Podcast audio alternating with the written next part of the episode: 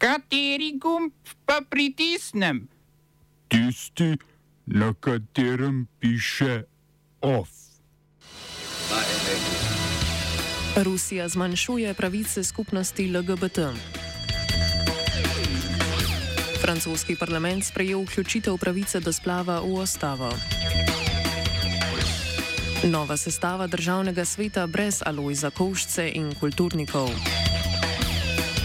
Sindikat avtobusnih voznikov novela zakona o delovnem času mobilnih delavcev zmanjšuje pravice voznikov. V kulturnih novicah kar dve literarni nagradi.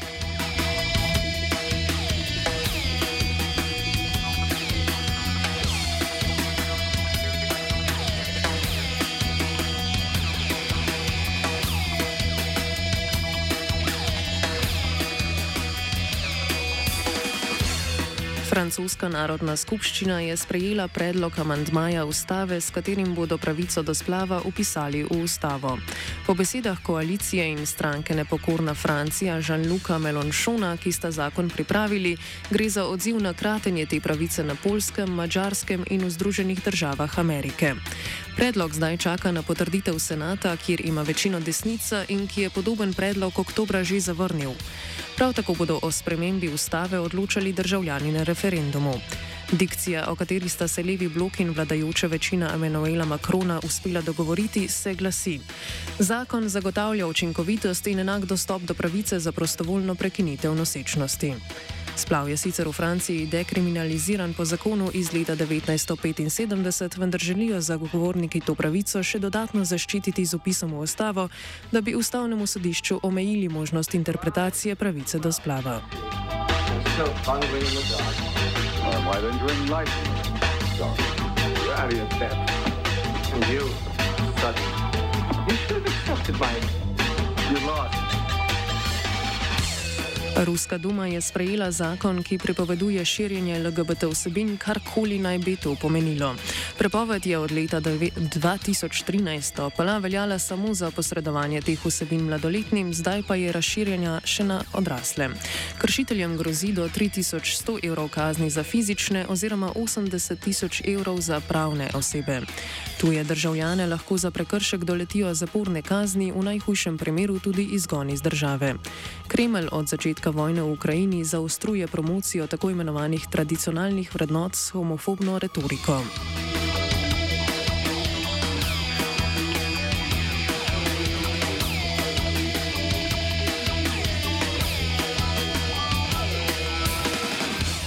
Zaradi nespoštovanja obljub glede plač in slabega nadzora nad epidemijo v kitajski podružnici tajvanskega podjetja Foxconn je 20 tisoč delavcev dalo odpoved, poroča Reuters.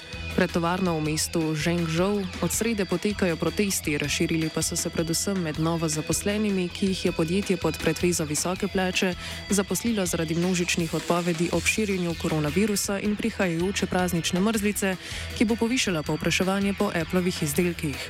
Med številnimi razlogi za protest, ki jih delavci navajajo, so predvsem preniske plače. Obljubljenih plač v višini 2000 evrov namreč podjetje Foxconn ni izplačalo. Poleg tega protestirajoči delavci trdijo, da jih podjetje sili deliti sobe z okuženimi sodelavci, obenem pa se zaradi zanemarjanja ukrepov v tovarni bojijo masovnega izbruha okužb s koronavirusom.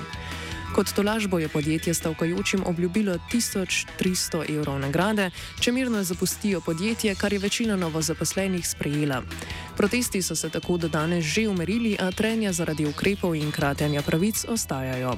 Danes so namreč oblasti mesta Zhengzhou zaradi razraščanja epidemije prepovedale gibanje izven mestnega teritorija in postavile barikade.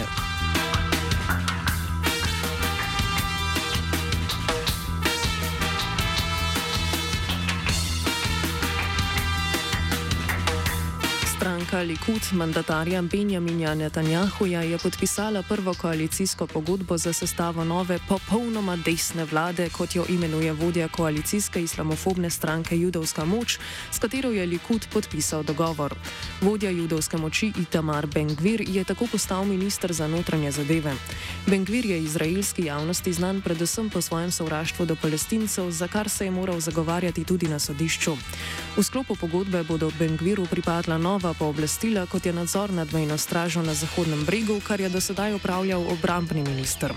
Pogodba predvideva tudi sprostitev omejitev glede uporabe orožja na meji z Gazo, izraelski vojski bi torej nova vlada dala še večja pooblastila za gonjo nad palestinci.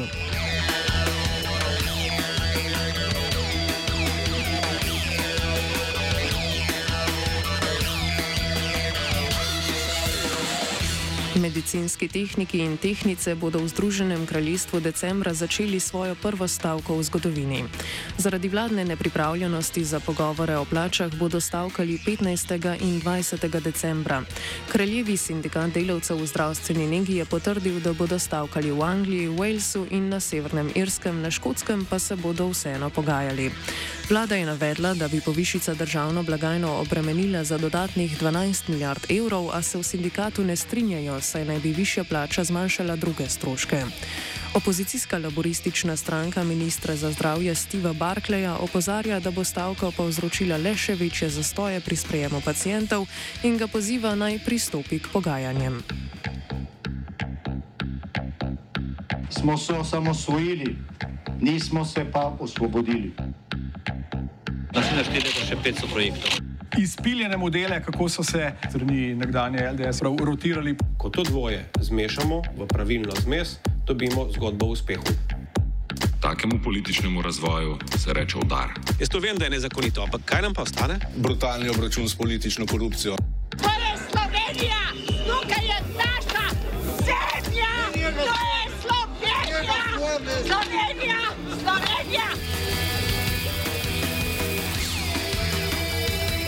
Po poročanju časopisa Dnevnik je okoljsko ministrstvo v notranji reviziji ugotovilo, da je prejšnja vlada neprimerno delila sredstva iz podnebnega sklada. Tako je družba Hidroelektrarne na spodnji Savi, ki je nekdani in trenutni delodajalec takratnega ministra Vizjaka, tik pred državno-zborskimi volitvami dobila milijon evrov in pol za ukrep, ki so se ga sami domislili. Ukrep so poimenovali Promocija sinergijskih učinkov okoljske in energetske politike za povečevanje odpornosti družbe in spodbujanje prehoda k nizko nizkooglični družbi.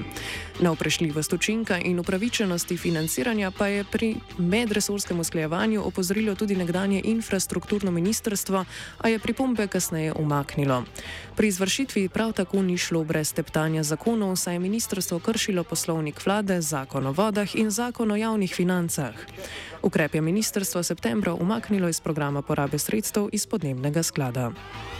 My real name is.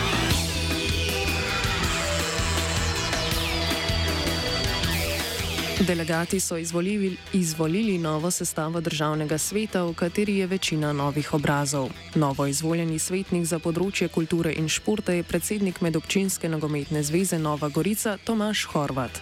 Strokovna vodja društva Asociacija Polona Torkar predstavi stališče društva do Horvatove izvolitve. Glede na to, da v celotnem kontekstu državna volilna komisija elektorje zavrača prav na podlagi opredelitve, ali so poklicni, delavci na področju kulture, je nekoliko smešno ali pa pravzaprav žalostno, da je izvoljen kandidat, ki trenutno v državnem svetu opravlja uh, uh, funkcijo državnega svetnika kot predstavnik lokalnih interesov, ter torej iz uh, podatkov, ki so objavljeni na spletni strani državnega sklepa, povsem verodostojno sklepamo, da je Tomaš Horvat, kot navaja državni svet sam, še vedno zaposlen v carinski upravi Republike Slovenije in nogomet rad igra. Torej uh, se športom ukvarja ljubiteljsko. Pri asociaciji napovedujejo izpodbijanje volitev in boj za zastopanost glasov profesionalnih ustvarjalcev na področju kulture, saj državna volilna komisija ni upoštevala njihovih predlaganih delegatov za volitve v državni svet, kljub temu, da so v društvu priložili dokazila o tem, da opravljajo dejavnost na področju kulture poklicno. Uh, torej, uh, mi bomo šli v volilni spor in izpodbijali same volitve in predvsem na osnovi tega, kar, smo, uh, kar sem ravno kar prej obrazložila, torej od našega oporekanja odločbi državne volilne komisije. komisije. Hkrati pa bomo opozarjali tudi na postopkovne nepravilnosti. Namreč evidentno se je vrhovno sodišče na podlagi presoje v dveh primerjih z isto vsebinsko materijo odločilo od, um, odločilo postopati drugače in sicer se je v enem primeru razglasilo za pristojno za odločanje, tožniko pritrdilo in zadevo vrnilo nazaj na državno volilno komisijo. V našem primeru pa se je razglasilo kot nepristojno za odločanje ter zadevo v odločanje prepustilo ustavnemu sodišču. Med izpadlimi se je znašel tudi predsednik sveta Alois Košca, ki je bil njegov član 15 let, predsednik pa 4. Slovencem je poleg tega znan predvsem kot podpredsednik stranke Konkretno in občasno tudi po svojih izjavah. Govoril je recimo o muslimanizaciji Evrope in svaril pred tujci v šolskem sistemu, svoje nasprotnike na družbenih omrežjih pa pogosto označi za primitivne ali revne.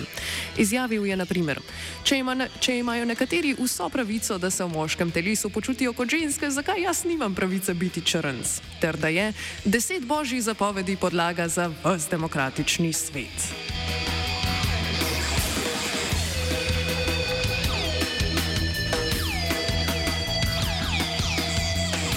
Državni zbor je sprejel več zakonov. Spremembe zakona o delovnem času, ki so ga sprejeli, predvidevajo ločevanje med mestnimi in med krajevnimi ter posebnimi linijami na mesto ločevanja po dolžini linij. S tem se strinjajo v Zvezi svobodnih sindikatov Slovenije in Sindikatu delavcev prometa in Zvez Slovenije, v Sindikatu voznikov avtobusov Slovenije pa ne. Razloge za nestrinjanje povzame predsednik sindikata Indre Mesaroš. Problem je to, da delodajalci že deset let izplačujejo uh, plače nezakonito. Ne? Namreč linije do 50 km nimajo časa razpoložljivosti, nimajo uh, referenčnih ur in nemajo doplačilnih ur. Ne? In vse to na naših plačilnih listah obstajajo. In glede na to, da smo to skozi pogajanja hoteli delodajalci uskladiti, ne, uh, enostavno so nas izrinili iz teh pogajanj, so začeli se pogajati samo z sindikatom SDPZ. In tudi do, to je prišlo do tega, mislim, to je rezultat tega, da je sindikat ZDA pristal na te njihove pogoje, tako da zdaj bo, na primer, ne bo več linija po 50 km, ampak bo vrsta linije. Ne? To pomeni, da vrsta linije tudi uh, linije do 50 km bojo spadali pod zakon o mobilnih delavcih, kar pa zakon o mobilnih delavcih pa pozna časa razpoložljivosti in, in vse druge doplačene hode. Tako da m, teh linij do 50 km je največ, seveda. Oni v bistvu hoče samo legalizirati to, kar so do zdaj delali nelegalno, kršili delovno pravno zakonodajo. Ob spremembi delovnih časov sindikat voznikov avtobusov že načrtuje splošno stavko. Zaradi tega gremo v celje, to pri meni, do, mislim, to pri meni v Koporu že več ali manj de facto gotovo, jaz grem še v celje, v Kranju tudi, torej danes gremo še v celje, pa da naredimo splošno stavko.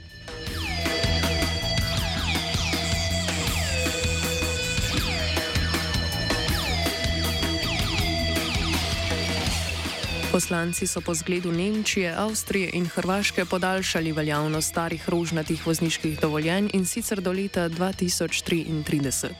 Zavrnili so zakon o obveznem testiranju funkcionarjev na mamila, ki sta ga predlagali opozicijski Slovenska demokratska stranka in Nova Slovenija.